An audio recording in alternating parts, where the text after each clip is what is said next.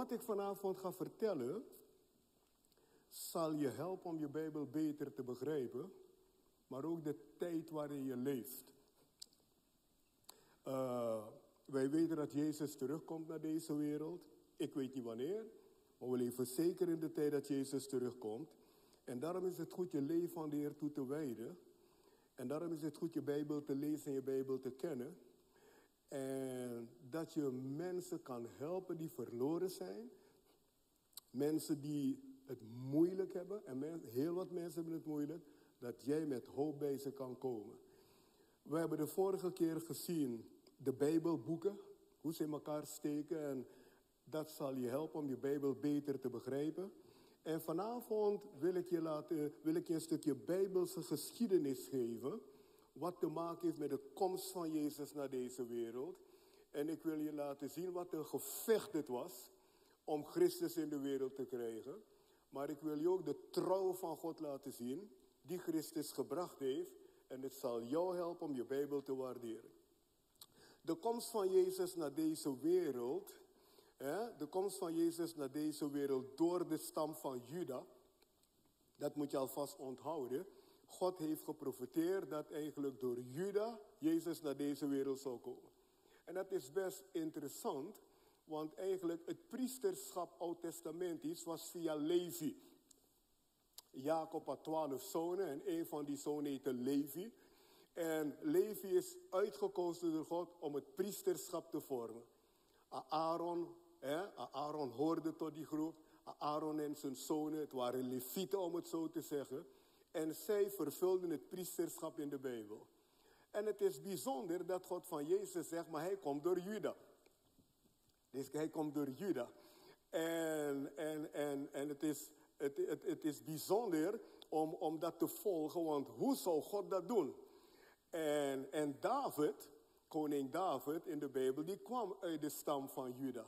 En God heeft geprofiteerd dat via hem Jezus zou komen. Hij is ook via uh, de stam van uh, Juda gekomen. Was een groot wonder.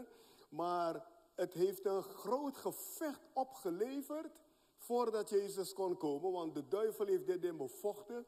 Vlees heeft het bevochten. En God heeft echt alles gedaan om toch Jezus door de stam van Juda te laten komen. Dus dat moet je onthouden. Jezus is geboren, door de, is geboren uit de stam Juda. Vandaar dat we ook zeggen, hij is een Jood. Zie, het woord Jood heeft met Juda te maken. En, en Jood betekent ook Godlover. Juda betekent ook Godlover. En zo God heeft dat gezegd. En, en God heeft het ook gedaan. Maar dan moet je goed luisteren.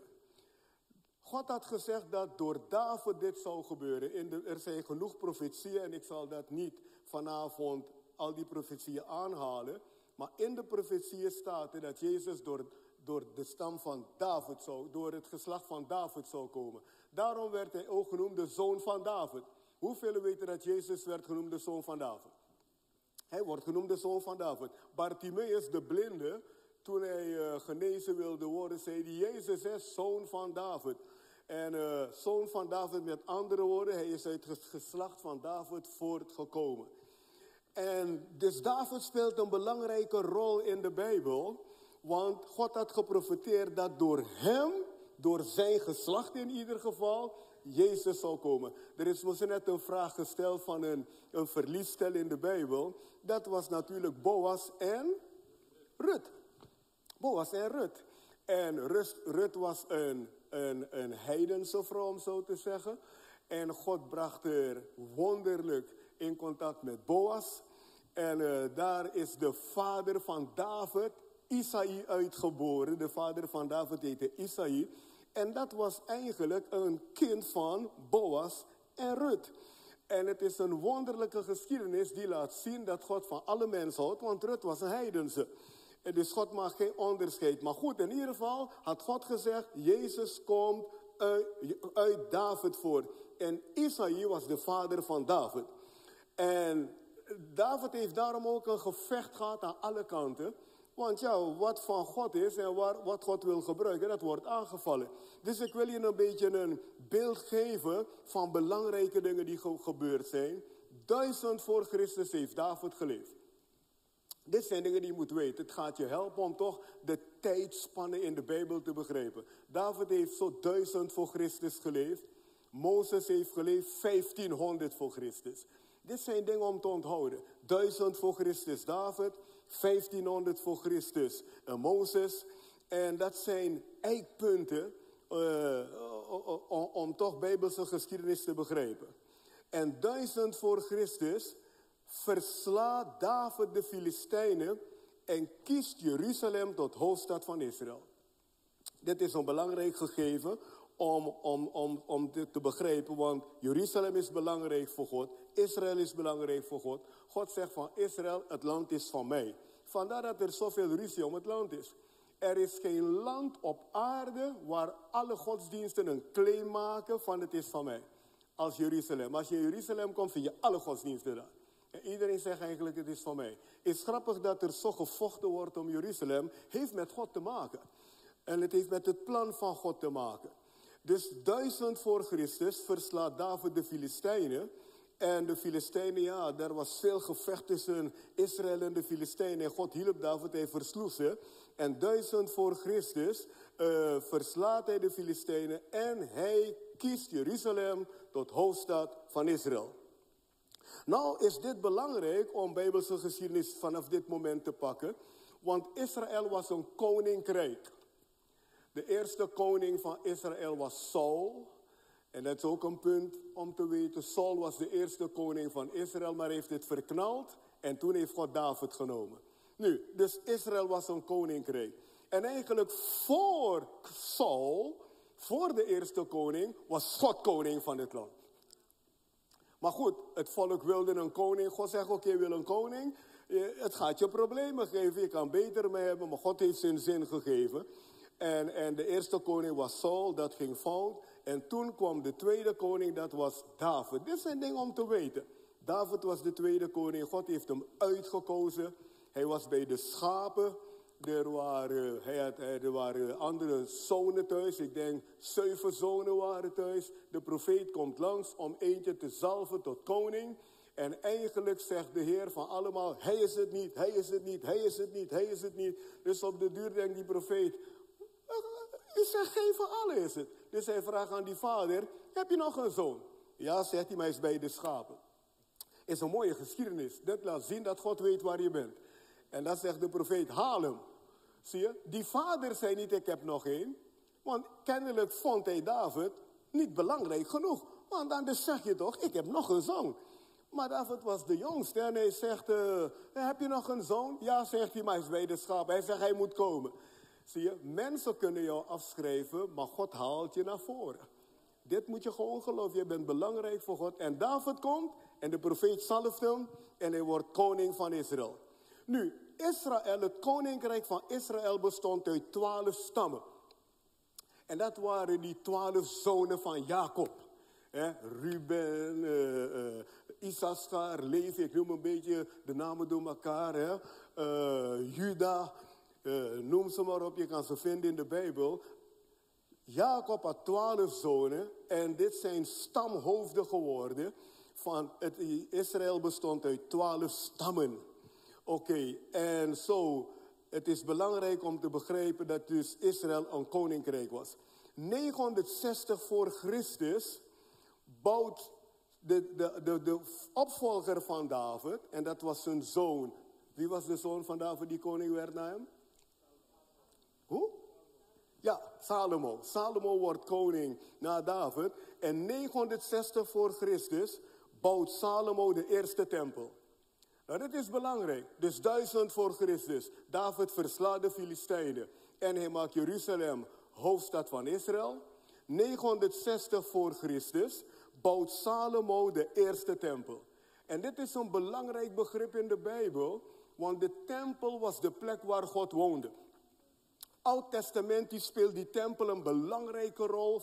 Eigenlijk bij Mozes al en eigenlijk door de hele geschiedenis van het volk van Israël zie je dat die tempel belangrijk is. En in die tempel was de ark. En de ark dat was eigenlijk het, het beeld van Jezus Christus.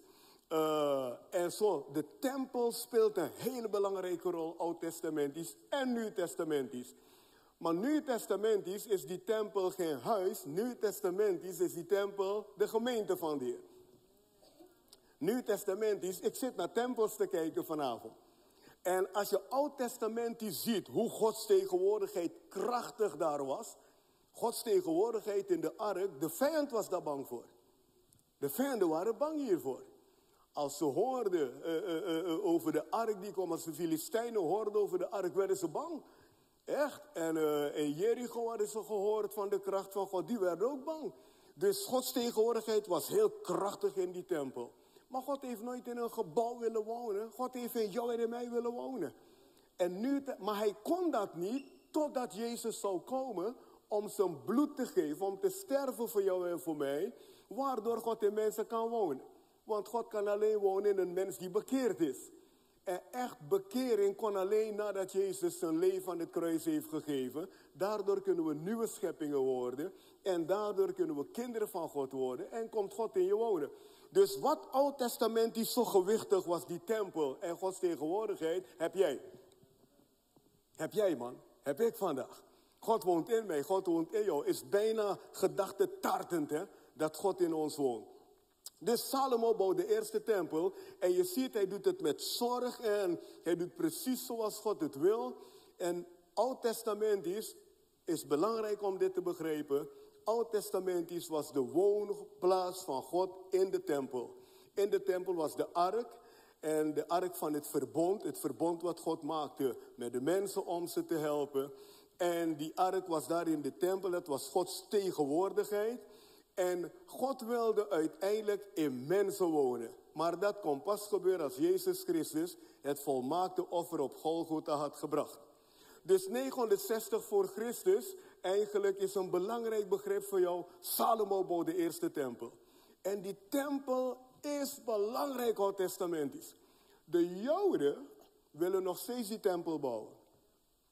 Die tempel is op de plek waar die tempel was, staat nu de, de, de moskee, uh, El Aqsa moskee, ik hoop ik het goed zeg. Maar dat is precies de plek waar de tempel was.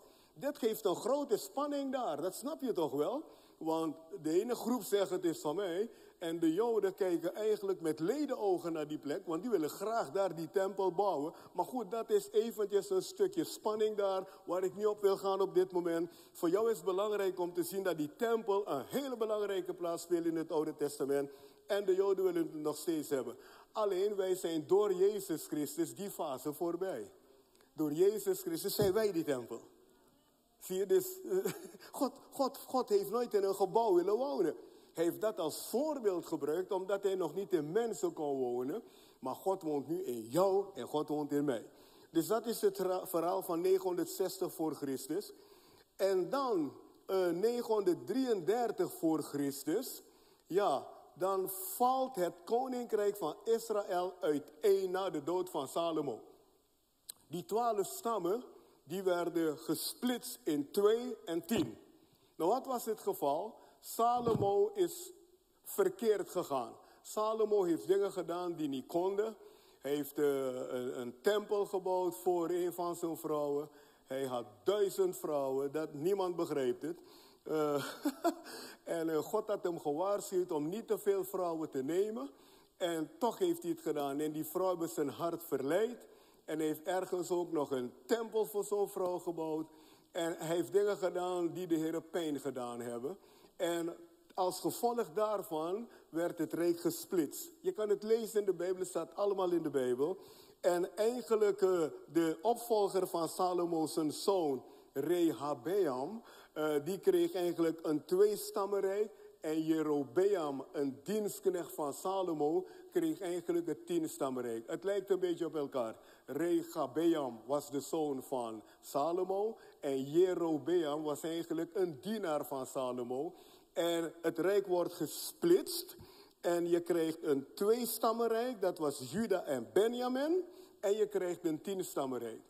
Het tweestammenrijk was het zuidelijke gedeelte van Israël. En het tienstammenrijk was het noordelijke gedeelte. En dit is belangrijk, want na de dood van Salomo zie je constant die twee rijken eigenlijk vechten met elkaar, bij elkaar komen. Uh, uh, uh, het was een, een spanningsveld de hele tijd. allerlei koningen hebben geheerst. Je hebt dus het tweestammenrijk, dat was Juda en Benjamin.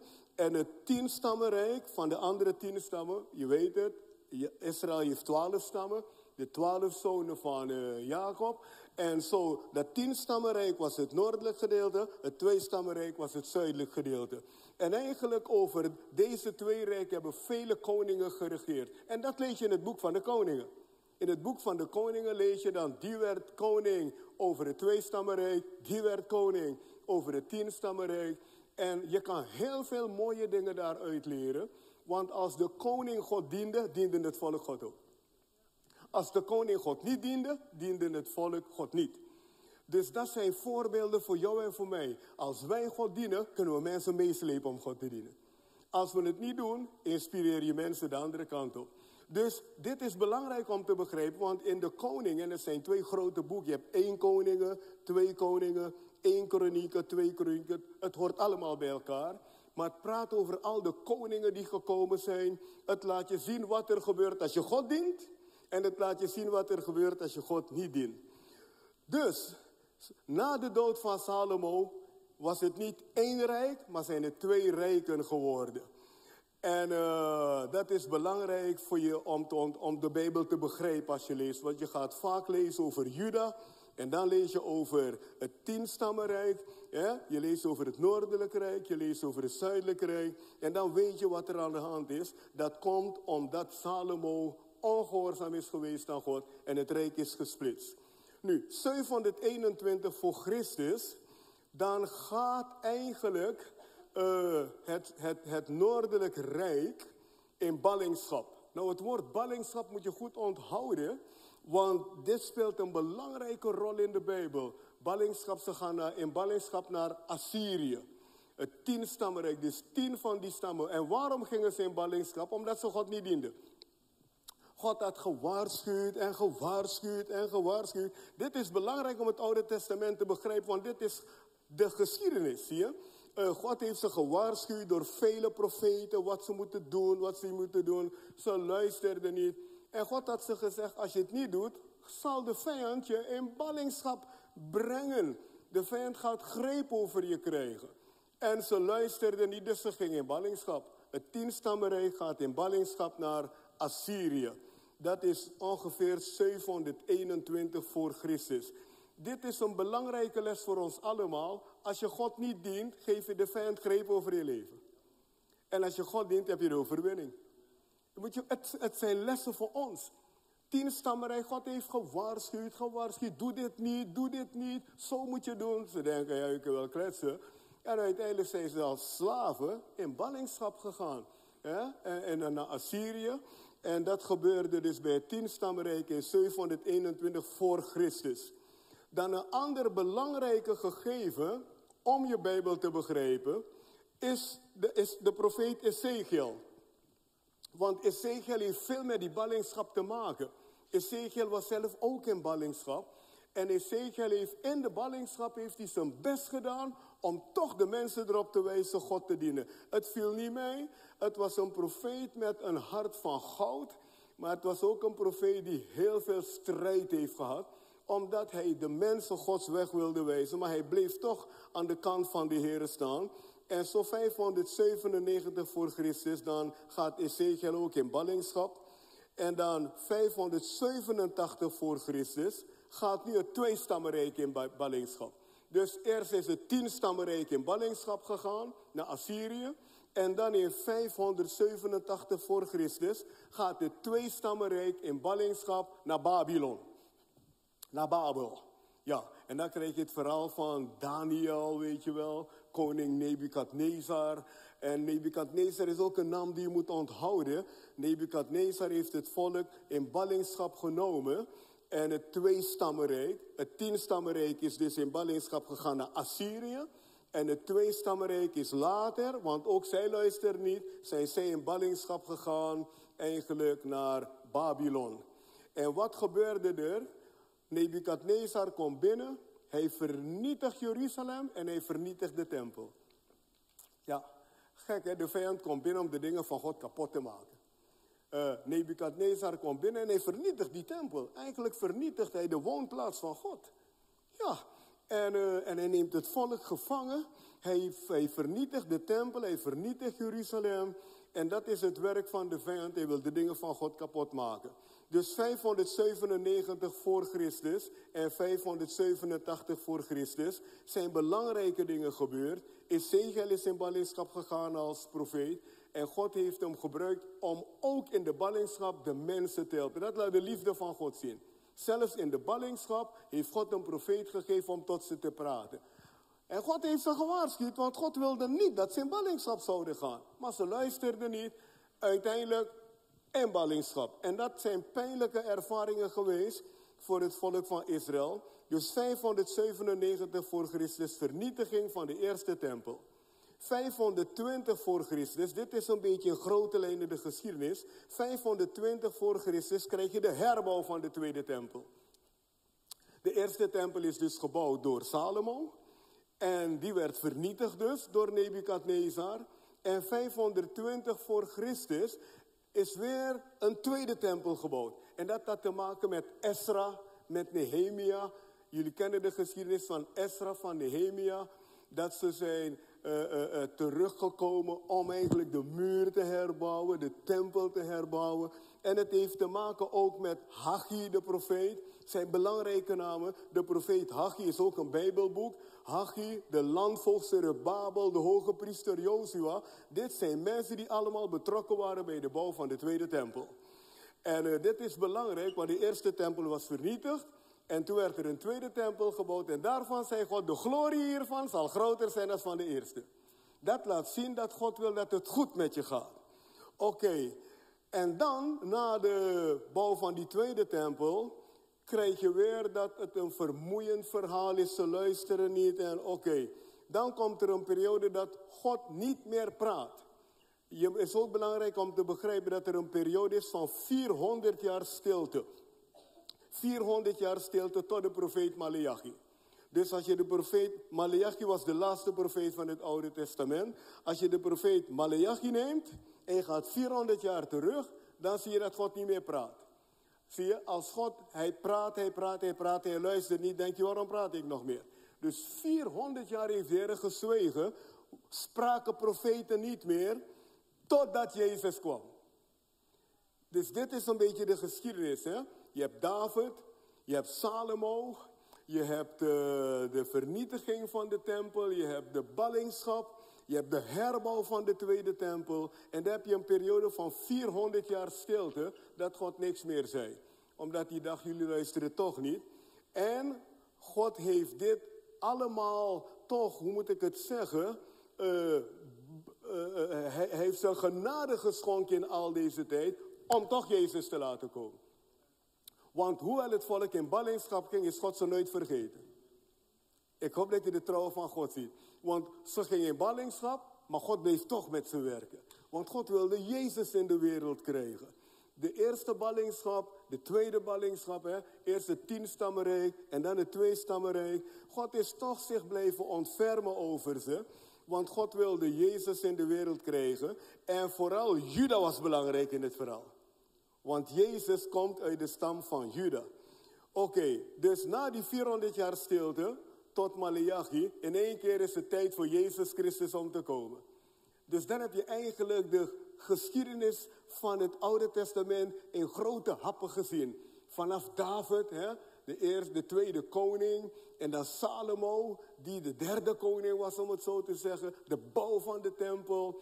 Uh, het, het, de splitsing van het rijk in een tweestammenrijk en een tienstammenrijk. Dan in ballingschap, omdat ze niet luisteren.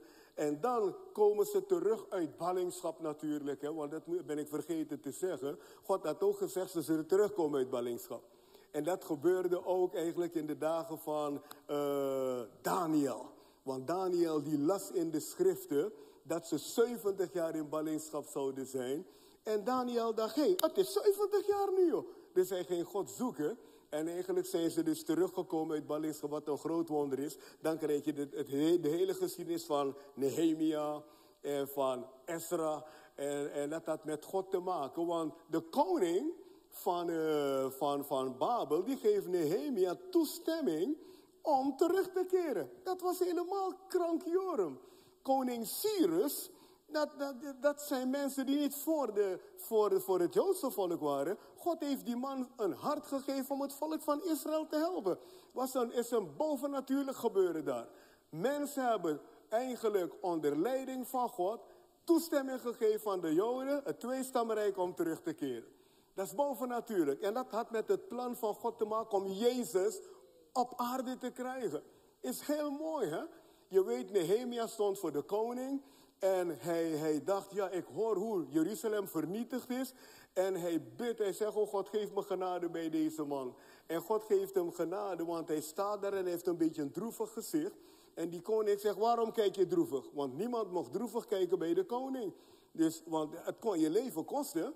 Want stel dat je iets gedaan had wat niet goed was, of dat je had geprobeerd de koning te vergiftigen, zouden ze je doden. En hij was droevig, dus die koning zegt, waarom ben je droevig? Hij zegt, oh koning, mijn, mijn land is in problemen. Ik hoor hoe mijn land vernietigd is en vernietigd uh, uh, wordt. Ik zou graag daar willen gaan om te helpen. En bovennatuurlijk geeft de koning toestemming. Dat had met God te maken. En dan komt koning Cyrus later, is ook zo'n Persische koning. God had van tevoren gezegd, ik denk zeker 200 jaar voor zijn geboorte, had God gezegd, er komt een koning die Cyrus heet en hij gaat mijn volk helpen. Dit zijn bovennatuurlijke dingen. En, en die man komt, hij heet ook Cyrus en hij helpt de, het volk om eigenlijk God te dienen. Hij geeft ze de ruimte om God te dienen. Dit laat zien dat je Gods plan niet kan tegenhouden. Ik hoop dat dit je inspireert vanavond. Mensen kunnen tegen je zijn, dingen kunnen tegen je zijn, maar ze kunnen God niet tegenhouden. God vindt altijd een weg. Koning Darius geeft Nehemia toestemming om terug te keren. En Esra krijgt ook toestemming. Dat waren rare, gekke dingen. Want Nebukadnezar, hun voorganger, had ze juist gevangen genomen, de tempel kapot gemaakt, al de onderdelen van de tempel meegenomen, de bekkens en de, de, de onderdelen die de Joden gebruikten om God te eren, had hij allemaal meegenomen. Het goud meegenomen, de tempel vernietigd. En dan komt Darius, die geeft toestemming, Cyrus helpt ze. Ja, God zijn plannen gaan altijd in vervulling. En, en het, het, het doel hiervan was dat Jezus zou komen, want Jezus zou de zoon van David zijn. En David was eigenlijk van de stam Juda. Vandaar dat God dus Juda moest helpen. Is erg mooi als je dit ziet. En dan is Jezus daar. En we weten, Jezus heeft daar geleefd. Hij heeft een bediening gehad van half jaar. En dan heeft hij geprofiteerd ook, want hij heeft ook geprofiteerd dat Jeruzalem vernietigd zou worden. Jezus heeft geprofiteerd dat de vijand zou binnenkomen en geen steen op de andere laten. En weet je, 70 na Christus is Titus binnengekomen, Romeinse veldheer. Heeft Israël eigenlijk overwonnen en ze hebben de tempel steen voor steen afgebroken, omdat er goud in zat. Wat Jezus gezegd heeft, gebeurde gewoon. Dus 70 na Christus moet je goed onthouden dat koning Titus, de Romeinse, de Romeinse veldheer Titus, komt binnen en vernietigt eigenlijk Israël en Jeruzalem, maakt de tempel ook weer kapot. En dan gaan gaan ze weer in ballingschap.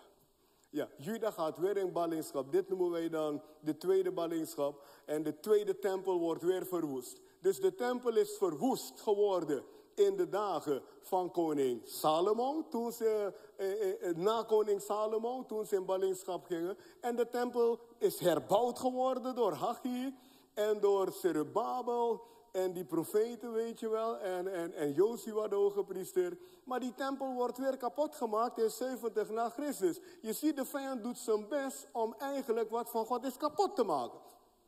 En Jezus had het gezegd, er zal geen steen op elkaar blijven hier. De vijand gaat binnenkomen, ze gaan Jeruzalem kapot maken. Dat is 70 na Christus. Je kan deze gegevens meenemen. En 135 na Christus, want Titus is binnengekomen 70 na Christus. Heeft huis gehouden daar, die tempel kapot gemaakt. En 135 na Christus was Israël weer ontvolkt. Het land was ontvolkt. De Joden waren verstrooid over de gehele wereld. Dat noemen wij de diaspora. Dat is de grote verstrooiing. Dus 135 na Christus was Israël verstrooid over de hele wereld. Ja, alle landen zaten ze. uh, Rusland, uh, Europa, Zuid-Amerika, noem maar op. Ze zijn echt verstrooid geworden. Dat noemen wij dan de, de tweede ballingschap van Juda. En hoe zou dit volk ooit terugkomen? Want dit is nou belangrijk. Dit is erg belangrijk om te begrijpen. Dat Jezus, God had toch gezegd dat hij een plan met ze heeft. En laat ik het nog anders zeggen. Het eindtijdplan van God heeft ook met Israël te maken. En dit moet je goed onthouden. Waarom? Jezus komt terug in Israël. Hij komt terug op de Olijfberg. Vandaar dat dit kleine land in het Midden-Oosten zo gigantisch uh, wordt aangevallen. Er is geen land op aarde wat zoveel vijandschap heeft als Israël. Ja, en verder geschiedkundig ga ik er niet op in, want ieder moet zelf weten wat hij gelooft. Maar het heeft wel met God te maken. Heeft wel met God te maken. En, en, en zo, ze zijn dus verstrooid geworden. We weten, de Tweede Wereldoorlog is daar geweest. We weten hoeveel van deze mensen zijn vermoord. Het is vreselijk. Maar 135 na Christus was Israël ontvolkt. En eigenlijk heb je de verstrooiing gehad. Alles was uit het land weg. En ja, je de, de, Samaritanen zijn binnengekomen en dat zijn mensen die eigenlijk, uh, uh, ik hoop dat ik het goed zeg, dit gedeelte. In ieder geval, er zijn andere volkeren binnengekomen. De Samaritanen was een ander moment. Dat was een ander moment dat met de ballingschap te maken. Maar andere volkeren zijn daar binnengekomen. En als je je geschiedenisboeken leest, dan weet je dat in 1948 Israël weer is uitgeroepen tot een staat. En dat was een bijzonder gebeuren, want uh, in één keer kregen de Joden toestemming om daar weer te wonen. Dat geeft nog steeds buikpijn wereldwijd. er zijn heel wat mensen die het er niet mee eens zijn. Maar eigenlijk hebben alle volkeren hebben gezegd: oké, Israël, ze mogen daar weer wonen. De staat Israël werd uitgeroepen in 1948. Is een hele belangrijke gebeurtenis. Want God had gezegd dat ze na de verstrooiing terug zouden keren in het land. 1948 is een jaartal wat je moet onthouden. De Bijbel zegt dat Jezus Christus terugkomt in Israël op de Olijfberg. En de Bijbel zegt ook door de profeten dat ze Jezus zullen zien. De Joden zullen hem zien, staat er. Ze zullen de, ze zullen de, de, de doorstokenen zien, staat er. De Bijbel, maar dan moeten ze daar zitten. De Bijbel zegt als Jezus terugkomt, is dat ook een moment dat het volk van Israël, dat er een grote bekering daar zal zijn. En ze zullen de handen zien van de doorstokenen, degene die ze doorstoken hebben. Dat wil zeggen, toen hij gekruisigd werd, dat bedoelen ze met de doorstokenen. En ze zullen rouw klagen van, oh God, we hebben de Messias gedood. Dat is nu nog een moeilijk begrip in Israël, maar dat moment komt, zegt de Bijbel, dat ze tot inzicht komen van Jezus is de Messias. Voor jullie begrip Jesaja 53 is een heel moeilijk hoofdstuk voor Israëlieten, omdat in dat hoofdstuk wordt Jezus als de Messias beschreven, maar hij hangt aan een kruis. want in Jesaja 53 staat er, hij zal gekruisigd worden. En dat lag heel gevoelig in Israël, want hoe kan een Messias nou sterven? Een Messias hoort een koning te zijn. Maar het plan van God was dat de Messias moest sterven, niet alleen om Israël te redden, maar de hele wereld te redden. Dus daar zit een spanningsveld in Jesaja hoofdstuk 53. Het staat in de Bijbel, het is oud-testamentisch. En de Joden hebben dat boek van Jesaja. En daar staat helemaal beschreven hoe Jezus zou lijden en sterven voor onze zonde, voor onze ziekte. En ja, ja, maar hun probleem is, dat kan niet. De Messias, hoe, moet, hoe kan hij hangen aan een kruis? En dat is de diepe wijsheid van God. Hij moest aan het kruis hangen voor jouw zonde en voor mijn zonde. En als hij straks terugkomt, komt hij in glorie terug. Hij komt straks terug als de koning van alle koningen, de heer van alle heren. Je hebt twee komsten van Jezus. Zijn eerste komst en zijn tweede komst. De eerste komst is door de maagd Maria. En hij heeft zijn bediening vervuld op aarde, is gestorven, begraven, opgestaan, naar de hemel gegaan. En zijn tweede komst, daar komt hij straks terug om zijn gemeente op te nemen eerst. En dan komt hij om de wereld te, te regeren. Eh, duizend jaar gaat hij over de wereld regeren. En ze noemen het de eerste advent en de tweede advent. De eerste komst en de tweede komst. Al die profetieën staan in het Oude Testament. En, en als je het niet begrijpt, dan raak je een beetje in de war van hoe zit het nou? Want aan de ene kant lees je van zijn glorie. En aan de andere kant lees je van zijn vernedering. Maar het is perfect. Die vernedering was dat hij moest sterven voor jou en voor mij. En straks komt hij terug in glorie en in heerlijkheid. Hij gaat zijn gemeente opnemen. Wij komen terug op aarde en zullen duizend jaar met hem regeren. En dan komt er een einde dat God echt toch, ja, het oordeel zal geven aan deze wereld. Wie, wie gediend heeft, wie niet gediend heeft, wie zich bekeerd heeft, zich niet bekeerd heeft. En dan hebben we weer de eeuwigheid. Dan ben je eigenlijk daar waar Adam en Eva begonnen zijn. God is met Adam en Eva begonnen om een mooi plan uit te voeren. Maar ze hebben het verknald. Vandaar dat we in deze tussenfase zitten. Maar als Jezus straks terugkomt, gaat het plan door.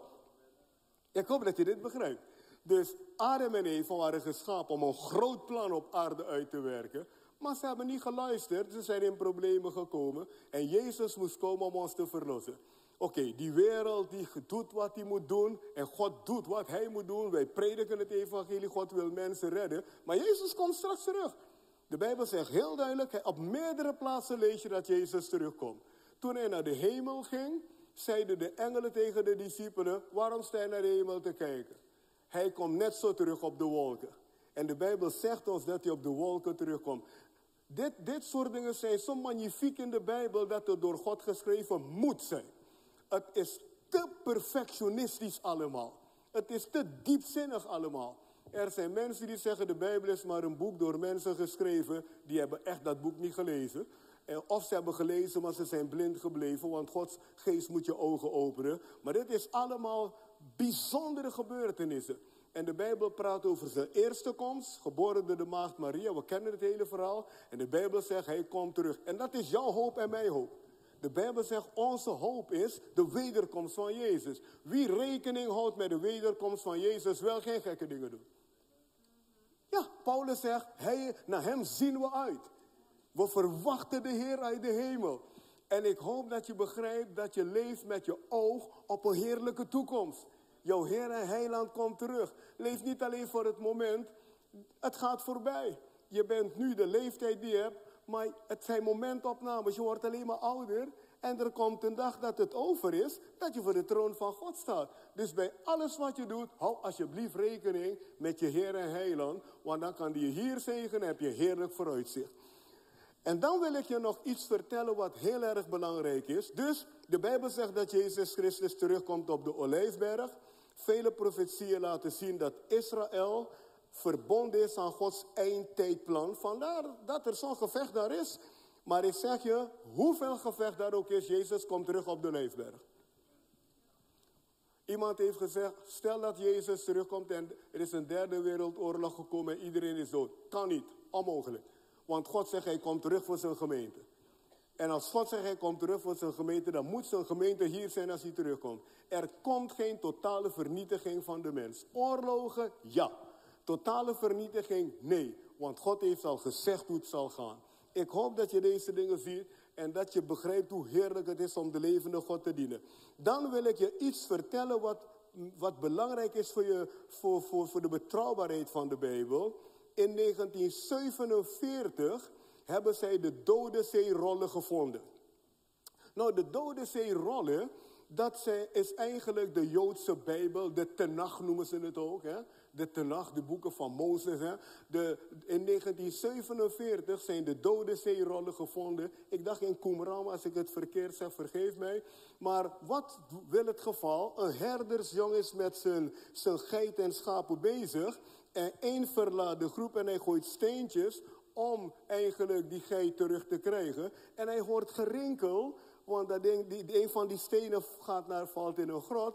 En hij hoort eigenlijk gerinkel. En hij denkt, wat is dat? En hij is gaan kijken en hij heeft de dode zeerollen gevonden. Dat was de Bijbel in de dagen van Jezus. Yes, ze zijn nog in Israël. Ik ben in Israël geweest. Dit is dus geen Indianenverhaal. Hè? en en wat, wat is het mooie van de dode zeerollen? Je ziet de betrouwbaarheid van eigenlijk wat geschreven is, ook door Mozes, door alle eeuwen heen. Daar verbaast men zich over hoe accuraat alles is opgeschreven en doorgegeven. En de groep die dat, heet, die dat deed, heette de Essenen. De Essenen was een groep van, van Joden, om het zo te zeggen, die verwachten de Messias. En die sloten zich op eigenlijk, om het zo te zeggen, eh, in een soort klooster. Eh, dat is niet het juiste woord, maar ze sloten zich op om de dingen over te schrijven.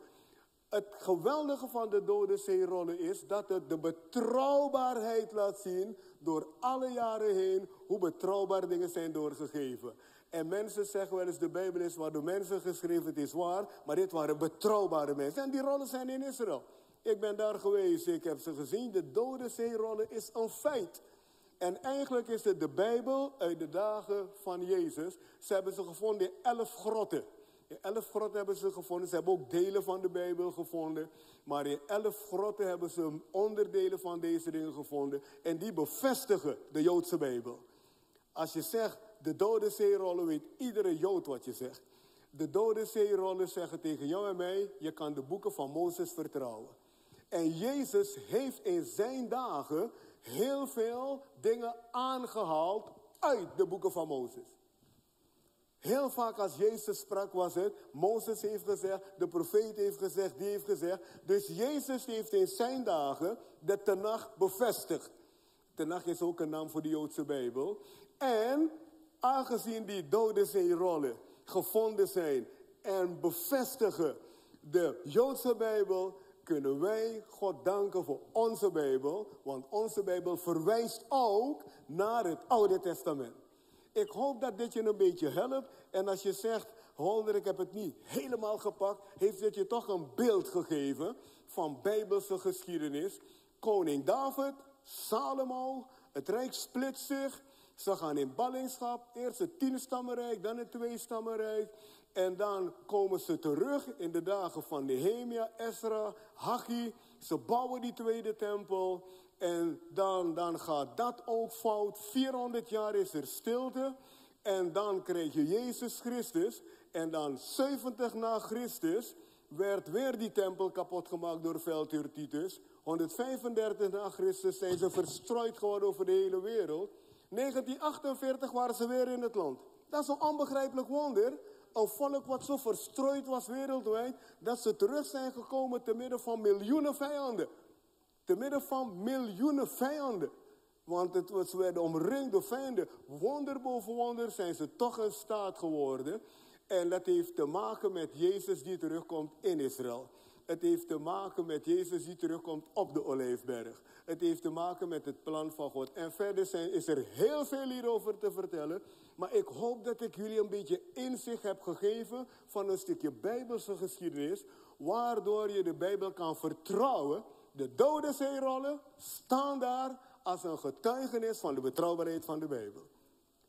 Wat is God groot, hè? En hoeveel weten dat de Bijbel een wonderbaarlijk boek is?